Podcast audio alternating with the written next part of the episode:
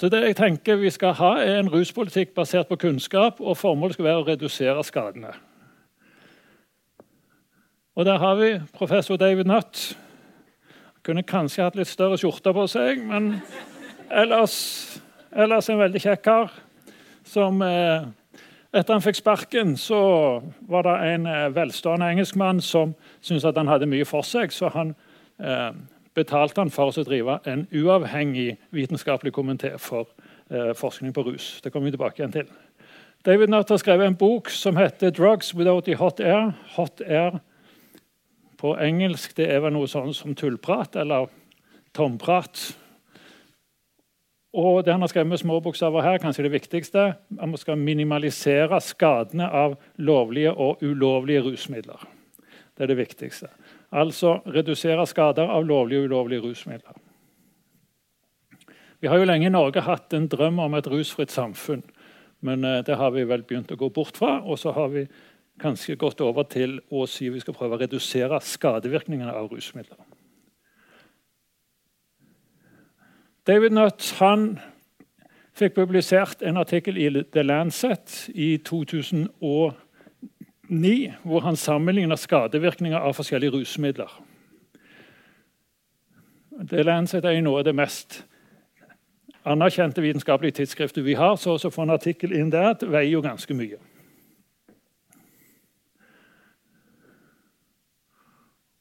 Og Hvilket rusmiddel tror dere var det mest skadelige? Ja, Det er noen som har lest. Jeg begynner vel med å si at alkohol er et av de mest skadelige rusmidlene. Og Det som kom fram av det som David Nutt og hans medarbeidere publiserte i The Lancet, var at han delte det opp i skade for andre og skade for de som bruker det. Alkohol er litt særegen fordi det er mer skadelig for andre enn den som bruker det. For nære relasjoner, arbeid og andre. Mens heroin er egentlig mest skadelig for den som bruker det. Når de snakker om mest skadelig her, så er det eh, hvor lett er det å ta overdose på disse forskjellige tingene. Og Her har de rangert de nedover til det som er minst farlig. Sopp er jo ikke helt ufarlig, det heller. Det er veldig fort gjort å ta feil sopp hvis du går i skogen og ikke har greie på det. Og Noen av disse soppene kan du få nyresvikt og alt mulig rart av. Buprenorfin er ikke så farlig, osv største svakheten med denne studien er jo at det er veldig mange som bruker mange forskjellige rusmidler. Og så er det en del rusmidler som ikke er tatt med her. Hvorledes undersøkte de dette her? Dette er også basert på estimater i England. og Det var i 20-tida. David Nutt var hovedmannen bak. og De brukte noe som heter multikriterie decision analysis. Og det var den som, som jeg har snakket om før, Independent Scientific Committee on Drugs, som David Nutt er leder av etter at han fikk sparken av Tony Blair for å sammenligne ecstasy med hesteridning. Det er noen som har sagt at Hvis hestene tar ecstasy, så blir det enda farligere. Men det er ikke lagt noe studie på det. Dette her var en tverrfaglig sammensatt gruppe som vurderte disse 20 forskjellige rusmidlene på 16 forskjellige kriterier som ble skåra fra 0 til 10. Vi kan gå litt igjennom de og se Skadelig bruk, skadelig bruk for hvem? Dette er skadelig bruk for uh, de som bruker det. Hvor heroin er det aller farligste. Det går egentlig på uh, hvor stor er forskjellen på en dose som virker, og en dose som er overdose, som du dør av. Der ligger heroin øverst, så det er mest skadelig for den som bruker det. Og så er det alkohol ligger på høyde med crack og crack cocaine og krystallinsk metamfetamin. Her med at det, Forskjellen mellom det som skal til for virkning, og det du kan dø av, er ikke så veldig stor. Og så videre nedover her. Og her, disse måten man må vurdere det på skade på bruker, det er egentlig dødelighet av rusmidler direkte. Hvor lett er det å ta en overdose? Det er det, den faktoren som slår mest igjennom på dette. her. At uh, overdosefaren er størst på heroin, men den er også ganske betydelig på alkohol. Det kommer vi tilbake igjen til. Og Indirekte dødelighet, sånn som at du får in infeksjoner, hepatitter og sånt, det er jo typisk med rusmidler du injiserer. Direkte skade på bruker, sånn som lungekreft av sigaretter og skrumplever av alkohol, er velkjent. Rusrelaterte skader som ulykker og dumme ting man gjør i fylla. Avhengighet kommer nede her, hvor jo igjen heroin er verstingen, og alkohol ligger ikke så langt bak. bak. Rusrelatert kognitiv svikt både under selve rus og det du gjør når du er rusa. Kognitiv svikt som følge av langvarig bruk og dette med at han taper arbeid, bolig, eiendeler og taper relasjoner. Det er egentlig skade på brukeren mer eller mindre direkte. Så har vi skade på andre. Det er dette med voldelig atferd og trafikkulykker. Før trodde man at hasj var veldig fine greier. at var, Man ble rolig av hasj. Men det, det er mye nytt nå som tyder på at hasj er egentlig ikke eh, så fredelig. Men det var jo peace, love og understanding før. men det var den gangen hasj inneholdt nokså lite tetrahydrokannabinol. Nå inneholder hasjen 20 ganger så mye av det eh, rusmiddelet som det gjorde den gangen de hadde Woodstock for lenge siden. Så Da var det mer hippier, men nå er det mer, mer voldelig atferd man, man, har òg med, med hasj. Men eh, alkohol er jo veldig kjent for å ha voldelig atferd. Kriminalitet, spesielt for de som bruker ulovlige rusmidler, i USA så havner du jo i fengsel hvis du blir tatt med ganske små mengder med cannabis på deg. Så det, de, det er ingen som har flere folk i fengsel enn de har i USA. Mange av de sitter for veldig små ting. Så det kan man si at has, eller spesielt marihuana er veldig skadelig fordi du havner i fengsel. Ja, Økonomiske kostnader både for arbeid, at du blir sykemeldt, og for politi og helsevesen. Eh, skade på nære relasjoner, omsorgssvikt, vold, skilsmisser Internasjonal virksomhet er egentlig mer med organisert kriminalitet og alt dette her. Da ender man altså opp når man teller sammen at alkohol er det mest skadelige rusmiddelet. Og det er spesielt for andre, men òg for bruker. Og det mest skadelige rusmiddelet er lovlig. Det er kanskje litt merkelig. Kanskje man burde hatt en ruspolitikk som gikk på om ting var hvor skadelig det var, eller ei. Og så er det en del av disse rusmidlene som du kan få av legen din i stedet for.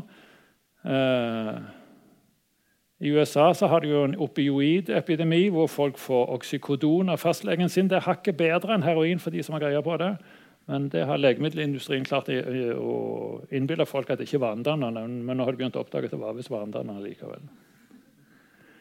Og så kan du få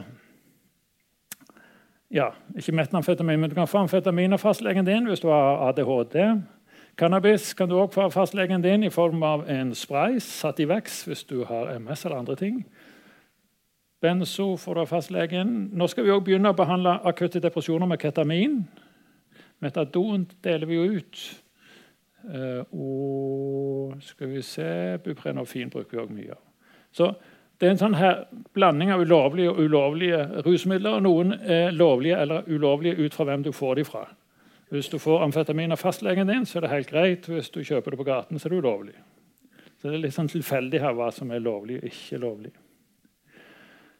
Så hvor farlig er rusmidler da? Hvor farlig er alkohol? Her har vi russerne. De ligger her. Dette er fra 1960 fram til 2015. Hvorfor? Hva er det som har skjedd her for noe? Alle de andre land går jo opp fra 1960. Lenger og lenger forventa levealder. Men russerne de flater ut her. Hva er det som har skjedd? Noen som har vodka?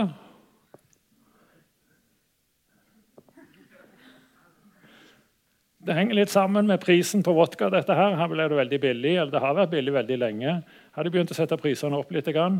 Men man regner med at hovedforklaringen på denne her nedsatte levealderen til russerne har med vodka å gjøre. Da, spesielt på prisen på vodka. Men òg med usikkerhet i samfunnet og sånt, som gjør at de drikker kanskje litt mer vodka enn det de har godt av, og litt sånn kultur òg. Men det, dette regner man med. Hovedforklaringen på dette er vodka. Går det an å dø av vodka? Er det noen som vet om dette? Hun har vært i Bergen og har til og med vært i varetekt i Bergen. På mistanke om uh, rusmidler. Det var Amy Winehouse. Hun, hadde en veldig, hun var berømt for en sang som heter 'Rehab'. Avrusning. De ville sende meg på avrusning, men jeg sa nei, nei, nei. Det er jo den sangen hun er mest kjent for.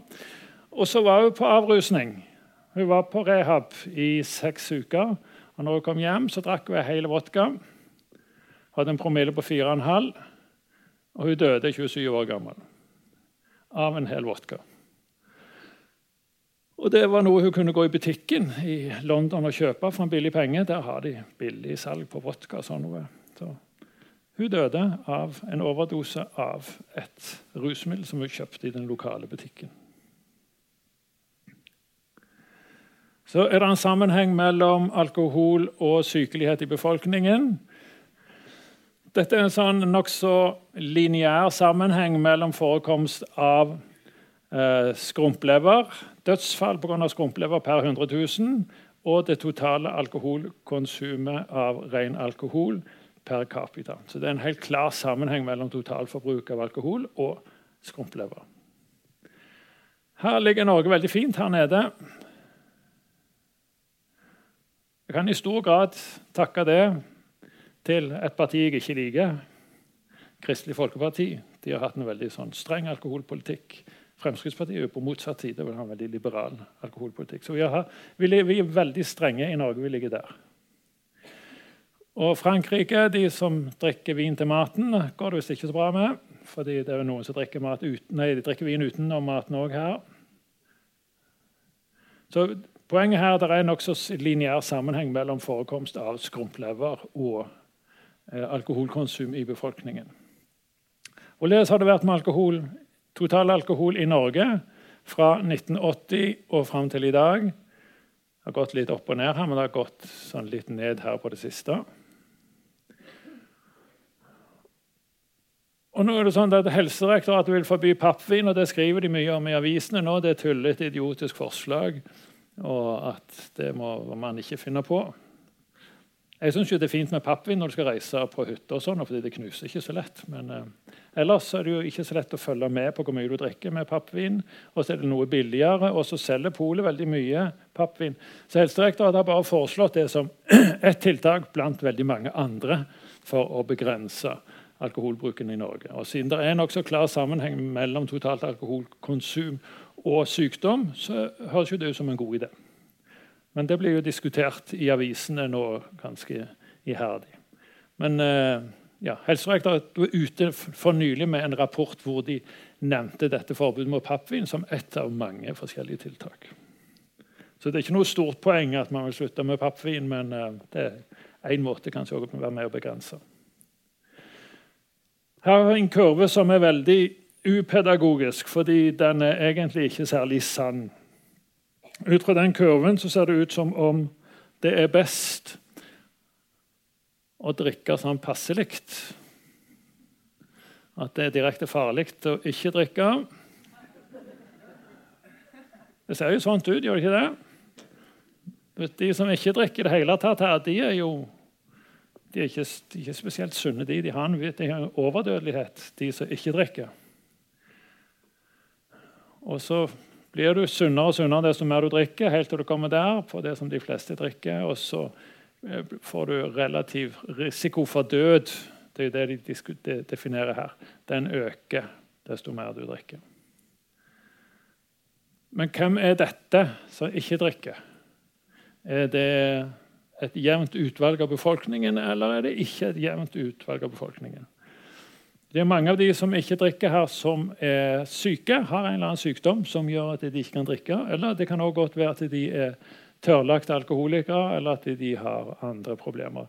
Så Problemet her er at disse som ikke drikker i det hele tatt, er ikke normalbefolkning. Men vi har jo lenge hørt at det er en fordel med alkohol. Alkohol gjør jo at man, det er noe ting man unngår. Det er en viss sunnhet med alkohol. Jeg ser jo På fransk er det jo 'à la votre santé'. Ikke det? Det betyr til din Og Tyskerne sier 'gesundhet'. Gjør det ikke det av og til? Det er noe som forbinder alkohol med sunnhet. Og er det noe som alkohol hjelper på, annet enn humøret? Det kommer vi tilbake igjen til. Og det er igjen en artikkel i Lancet jeg holder meg til disse her tunge vitenskapelige tidsskriftene for å gjøre dette så kjedelig som mulig. Fordi Det kommer så veldig mange på disse forelesningene, så vi må gjøre noe for at det ikke skal komme så mange. Så da holder vi oss til veldig kjedelige, tunge artikler i The Lancet. Og Denne kom ut nå i september 2018. Så den er ganske ny. Konklusjonen er at ingen alkoholforbruk gjør at man blir friskere. Så her har de alle dødsårsaker. Har de, fulgt, de har fulgt altså Dette er det vi kaller en metaanalyse. De har tatt 700 forskjellige studier som omfatter 700 000 mennesker. De har fulgt og befolkningsstudier hvor de har fulgt 28 millioner mennesker over ganske mange år. Og undersøkt dødeligheten. Hva er det folk dør av? Og når gjelder, Hvis du slår sammen alle former for dødelighet, så ser det ikke ut som om du blir noe friskere av å drikke her. Det blir bare Du øker sjansen for å dø desto mer du drikker. Bortsett fra hjertekar. Der ser det ut til å være veldig bra. Desto mer du drikker, omtrent, desto bedre er det. I hvert fall det ser litt sånt ut her. Eller du sier 100 gram per uke. Det er jo ikke så mye. Avhengig av hvem du er, men eh, det er i hele rødvin i uken. Det er ikke så mye. Jeg visste ikke at ei rødvin kunne vare så lenge. Jeg. Men eh, det, det, er 100 gram i uken de snakker om her. Så når det gjelder totalt sett, hvis du slår alle eh, dødelighet sammen, så ser det ut som om alkohol ikke hjelper i det hele tatt. Men på hjerte-karsykdom så har det en viss effekt. Her ser vi på hjerneslag så øker forekomsten av hjerneslag nokså kraftig. ved Ganske, ja, det begynner allerede her på en 50 gram per uke. så det er veldig lite som skal til før du får en målbar økt sjanse for hjerneslag. Det var et innlegg i Bergens Tidende her forrige uke hvor en sa at vi må ikke forby pappvin, vi må heller behandle hjerneslag bedre. Men det ser ut som det henger litt sammen. fordi Desto mer pappvin du drikker, desto større sjanse er det for noe galt i pappen her med slag. Så det ser ikke ut til å være så veldig god idé. Hjerteinfarkt totalt sett Hjerteinfarkt var det jo fulgt disse her. Før snakket jeg om hjerte-karsykdom generelt, men hvis du kun ser på hjerteinfarkt, så er det gode nyheter. Fordi desto mer du drikker, desto bedre er det. Så når det gjelder akkurat hjerteinfarkt, så er det fint å drikke. Men ulempen er jo at da øker samtidig faren for å få hjerneslag. Så da har du på en måte valget mellom hva du vil ha. Vil du ha hjerneslag eller hjerteinfarkt?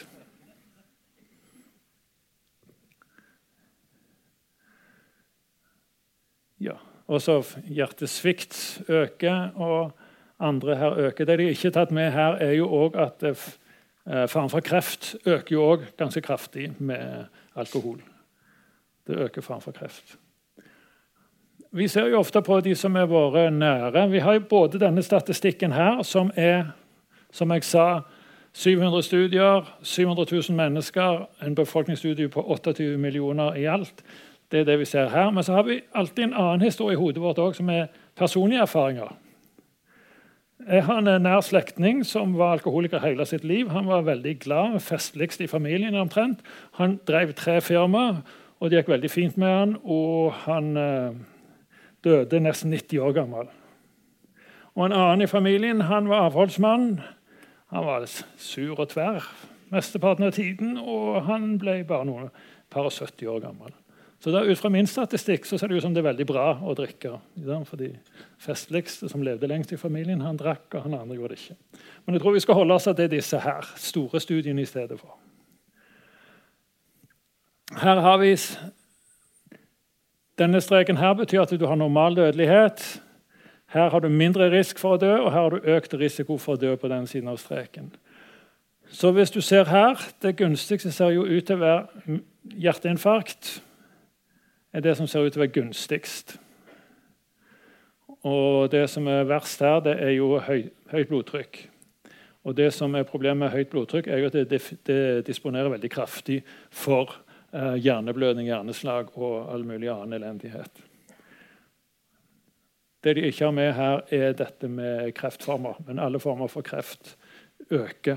Risikoen for alle former for kreft øker desto mer alkohol man konsumerer.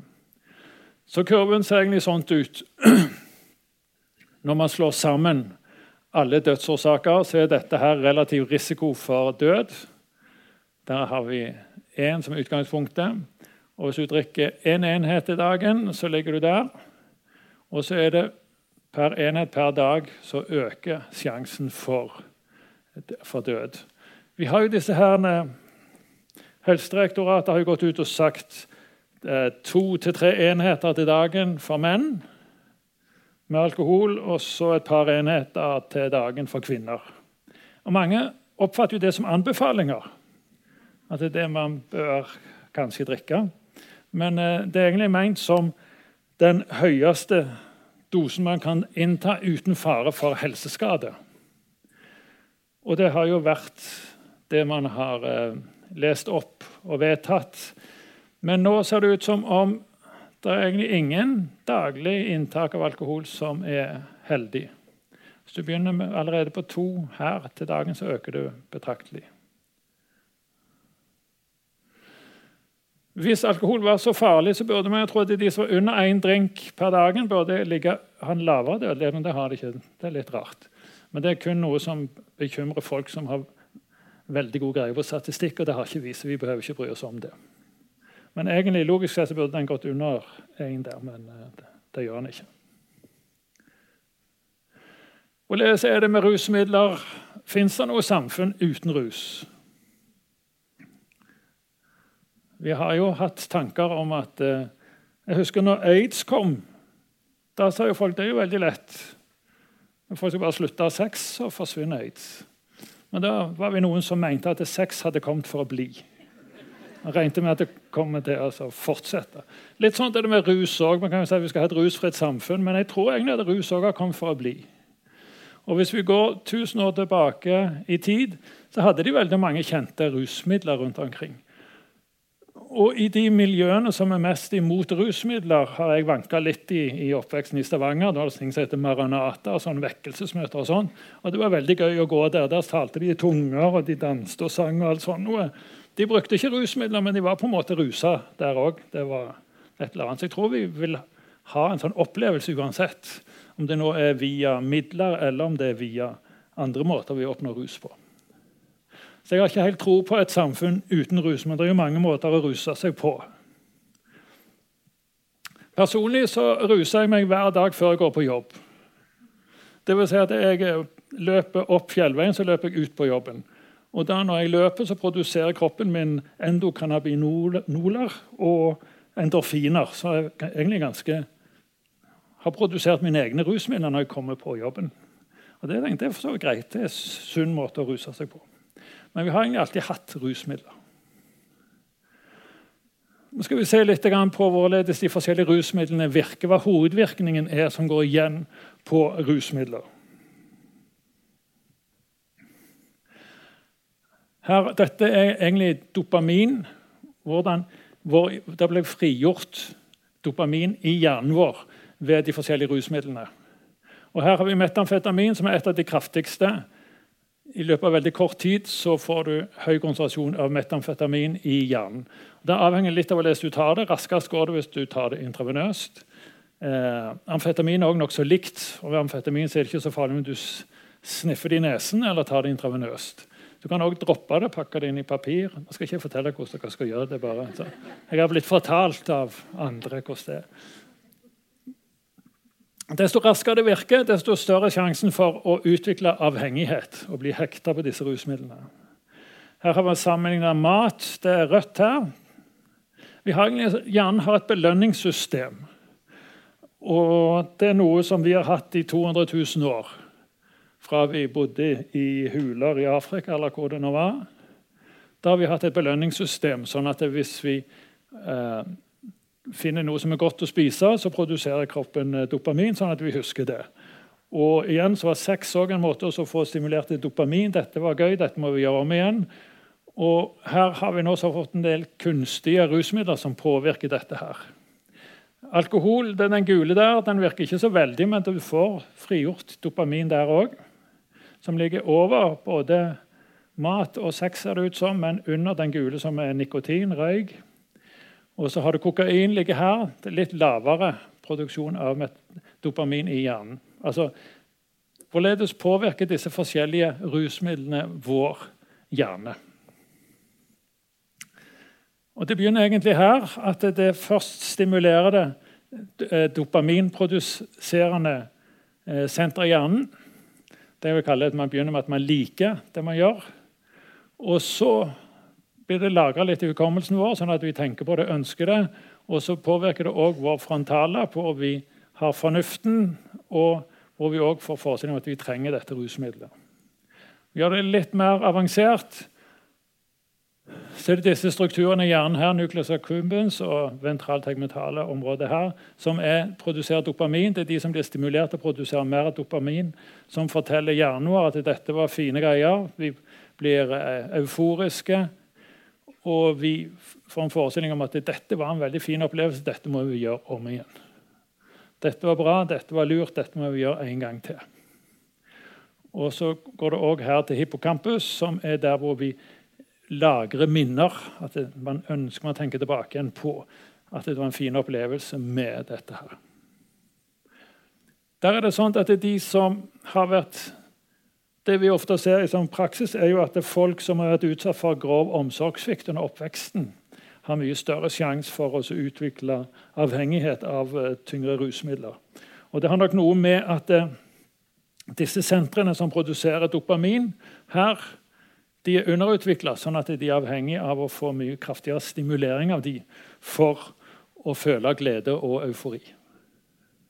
De som får litt ros og skryt under hele oppveksten, de klarer seg med litt mindre ting. De kan glede seg over småting, over en sjokolade eller lese en bok. eller alt mulig rart, Mens de som vært utsatt for omsorgssvikt, krever mye mer stimulering av spesielt disse her dopaminsentrene.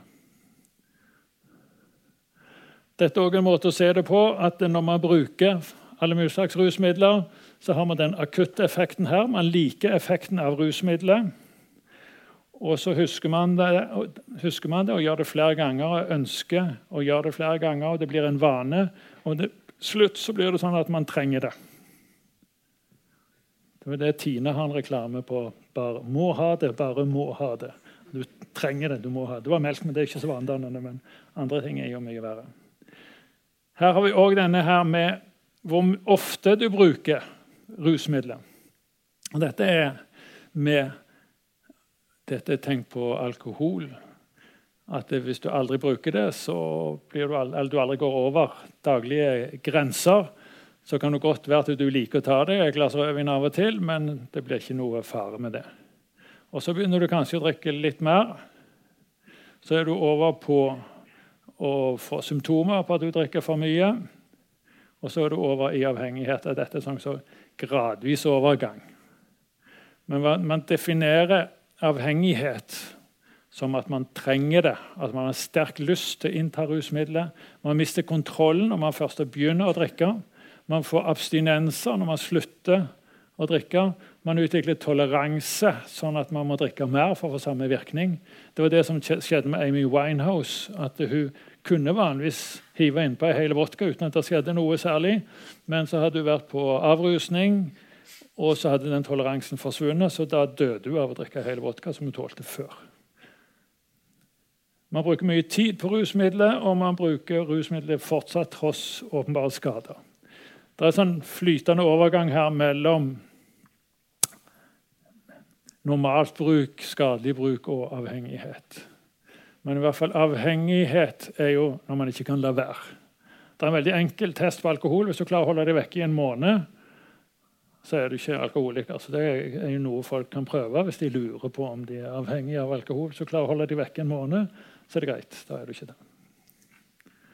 Men hvis du ikke klarer det, så bør du søke hjelp. Dette er òg en måte å se det på. At man bruker det bare av og til. Ikke noe problematisk. Man liker det faktisk. Når man skal lese om alkohol, og sånn, så er det veldig vanskelig å finne positiv omtale av alkohol. Så det er så rart. Hvorfor er det så mange som drikker når det bare er negative ting å si om det rusmiddelet? Men det kan jo ha positive sider òg. Altså, man får lettere å være sosiale, og man blir kanskje i godt humør. Og så ja, begynner man å få problematisk bruk av det. Hvis vi nå skal se på den nevroanatomiske forklaringen her, så er det det røde her det er hjernen sitt belønningssystem, kan vi si, som blir stimulert først. Det er der dopamin virker på belønningssystemet. De har litt vanskelige ord som nucleus accumbens og ventrale pallidum. Men det er ikke så farlig. For oss så holder det at vi bare kaller det for det røde. Det er et rødt senter. Det er det som gjør at vi liker det i første omgang. Belønningssystemet. Og så har vi det lilla, som er lære og hukommelse, som er hippocampus og amygdala, som er det som ligger bak her. Det er det som kommer i neste omgang. At vi husker at dette var en god opplevelse, så det ønsker vi å gjøre om igjen. Og så har vi konflikten her framme med det grønne orbitofrontalkortex, som forteller oss at vi trenger dette her. Vi må bare gjøre det en gang til. Dette var gøy. Og så har vi fornuften, som sitter i samme område, som forteller oss at det, det kanskje ikke var så lurt at vi skal fortsette med dette. Så sånn ser det grovt sett ut i uh, hjernen. Det er noen som reagerer på at det, man gir en helt kjemisk forklaring på en kjemisk avhengighet. Men jeg syns det er litt logisk. at Det er jo veldig mye kjemi, men det er ikke kun kjemi. Fordi det går noe på hvor følsomme disse her sentrene er, spesielt belønningssystemet er. Hvis du har et belønningssystem som lett lar seg aktivere, så behøver du ikke bruke så tunge rusmidler. Men hvis du har et belønningssystem som er avhengig av kraftig stimulering, så er det mye lettere å ty til rusmidler for å få den stimuleringen man har bruk for. Og For å gjøre det enda mer komplisert, så her har du en som ikke er avhengig. Han har ikke så stor glede av rusmidler, i motsetning til han som er avhengig. Og dette her med trangen er mindre. Her hos en som er avhengig, så blir trangen mye større. Og fornuftens stemme her er ganske kraftig, mens fornuftens stemme her har dårligere kår. Det er sånn litt enkelt skjematisk forklart hvorledes avhengighet oppstår. La oss forestille oss at vi får et nytt rusmiddel på markedet. Dette er metylkarbinol. Det er et nytt rusmiddel har kommet på markedet. Det er en klar væske som øker risikoen for kreft, skader leveren, gir hjerneskade og er mer giftig enn ecstasy og kokain. Avhengighet kan oppstå etter et enkelt inntak. De som er avhengige av metylkarbinol, gjør ofte mye for å få mer av rusmidlet. De lar barna gå sultne og banker opp nære familiemedlemmer for å få penger til neste dose. De som bruker rusmidler av og til, kan bli rasende, og politiet rapporterer økt kriminalitet i forbindelse med inntak av rusmidler. Bør vi legalisere dette rusmiddelet her? Opp med hånd, de som vil legalisere det. Ingen? Er det én? Ja. Da er det totalavholdsfolkresten. Metylkarbinol er bare et annet kjemisk navn for alkohol.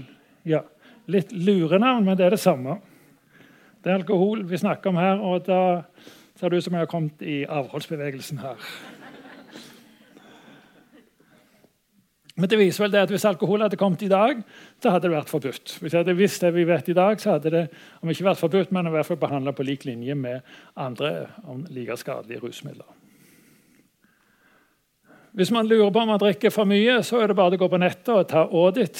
Alcohol Use Disorder Identification Test. Denne ligger ute på nettet, så er det bare det å sørge for at du er helt alene når du svarer på det.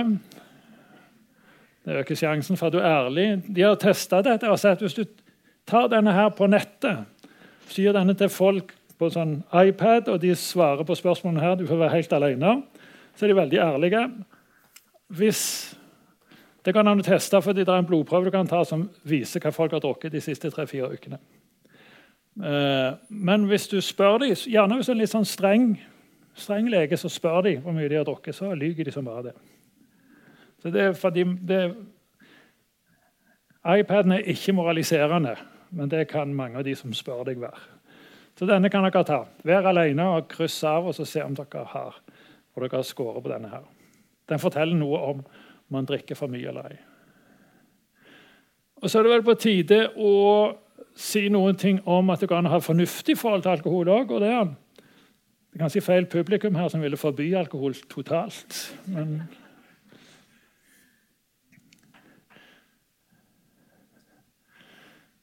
Ja. Dette sånn enkle rådet er vel studentsamskipnaden i Norge som har lagd disse her rådene. Fordi det er vel de som drikker mest, eller som er mest i faresone, eller som kan læres opp. Det er når de begynner å bli studenter, at de begynner å drikke og etablere vaner. Så det er noe med å planlegge hvor mye du har tenkt å, å, å drikke. Så syns jeg det er greit å spise. Og drikke noe sakte. fordi når du drikker, så tar det en time eller to før alkoholen i det du har drukket, blir absorbert. Da er det veldig lett å drikke for mye. Ja, vann som alternativ osv. Jeg vil slå et slag for denne. her. Dette er en av de viktigste kurvene dere får sett i dag. Dette handler om lykkepromillen. Fordi ikke, folk hadde jo ikke drukket hvis det ikke var fordi det ga noe. De kan ikke, kan bare snakke negativt om alkohol hele veien, men det må jo være en grunn til at folk fortsetter med å drikke. Og Det er litt på denne her lykkepromillen at alkohol virker både stimulerende Dopamin det blir du i godt humør, det er jo dette belønningssystemet. Sånn at man blir lykkelig av alkohol. Men samtidig virker det sløvende.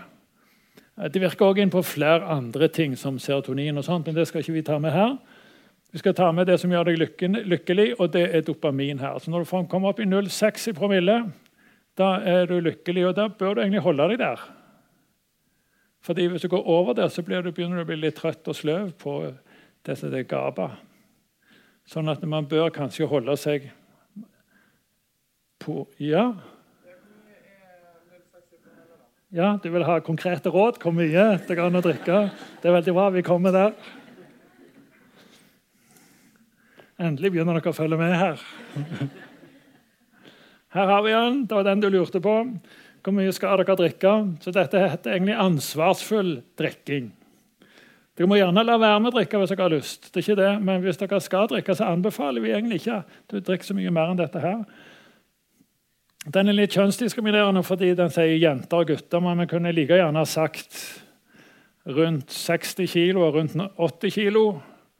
Vet ikke om damene veier 60 kg lenger. Det har kanskje gått opp. Men hvis dere veier 80, så kan dere se på gutter. Det burde stå kilo her. Det er egentlig det det går i. Så hvis man veier rundt 60 kg, så første timen så kan man drikke enten et glass rødvin tre timer etter hverandre. Altså bare ett glass per time.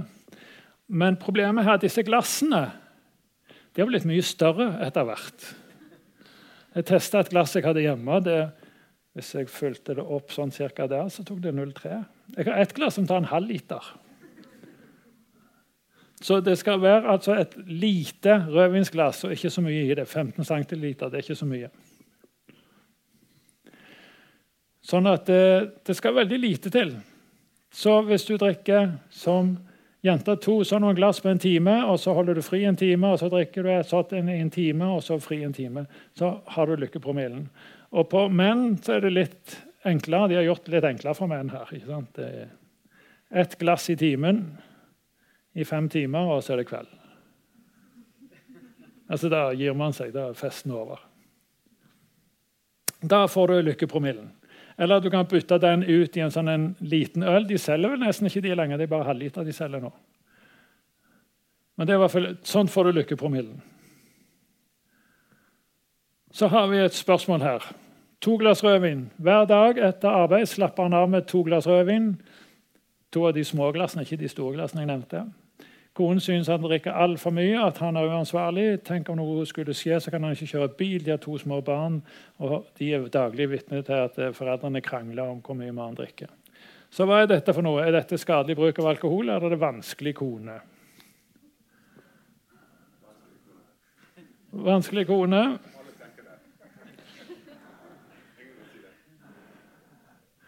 Mennene tenker 'vanskelig kone', og damene tenker at mannen drikker for mye. Det er vel sånt det er, kanskje. Så det er ikke så lett å sette grensen her. Her har vi jo Cornelius Fresvik. Vi over 60 vet hvem han er. og Han sa noe om alkohol, at han er slusk og et svin. Han liker snusk, men du er fin. Du drikker vin for nytingens skyld, men jeg liker vin fordi da blir jeg full. Sånne som jeg burde settes i bur eller hur. Det var det han mente. Og Her har vi skader, bare for å repetere. Alkohol er mest skadelige. Og det vi skal gjøre, tenker jeg, det er å redusere skader av både lovlige og ulovlige rusmidler. Jeg tror vi skal la være med å tenke på dette rusfrie samfunnet, men heller tenke på at vi skal redusere skadene. Og Da har vi kommet her til det siste lysbildet. Det det egentlig dreier seg om, tenker jeg, er dette med lykkepromillen kontra skadevirkningene. At alkohol i lav mengde kan gi en del fordeler, men i større mengde, spesielt daglig bruk, så uh, gir det egentlig økt dødelighet for alt mulig, bortsett fra hjerteinfarkt. Den eneste, men Hvis vi tar total dødelighet for alle ting, alle sykdommer, så øker dødeligheten ganske kraftig. Og dette er daglig drikk. Så det man ender opp med av det jeg har sagt her, det er jo at man bør ut fra den artikkelen i Lancet si at 100 eh, gram alkohol i uken er det maksimale man kan drikke før man risikerer helseskade. Og 100 gram i uken det tilsvarer omtrent en sånn standardenhet i dagen. Hva en standardenhet med alkohol er, det varierer fra land til land. Noen steder er det 10 gram. Jeg pleier å holde meg til den franske. Det er det 16 gram. Så, men hvis du sier at det er en 14 gram i Norge, og du kan drikke 100 gram i uken Så hvis du tar et lite glass rødvin til dagen, så ender du omtrent opp på det. Det blir 14 ganger 7. Ja. Det var det jeg hadde tenkt å si om alkohol. Når det gjaldt bruk av alkohol. Det er to grøfter å gå i her når det gjelder alkohol. Det er at man skal være total avhold, sånn som dere var her helt uvitende, eller at vi kan si det er helt greit. Vi må holde oss noenlunde midt på veien her. Men vi kan i hvert fall avlyse, avlyse mytene om at det er noen heldig virkning av alkohol, bortsett fra lykkepromillen, eller at man blir sosial og kan ha det greit hvis man drikker med måte og forsiktig. Men det blir flere månedlig om forskjellige rusmidler. Neste gang tror jeg det er hasj. Og så blir det om eh, legemidler altså rusmidler du får av fastlegen din, og så blir det om nye psykoaktive stoffer siste gangen. Ja, da vil jeg takke for oppmerksomheten.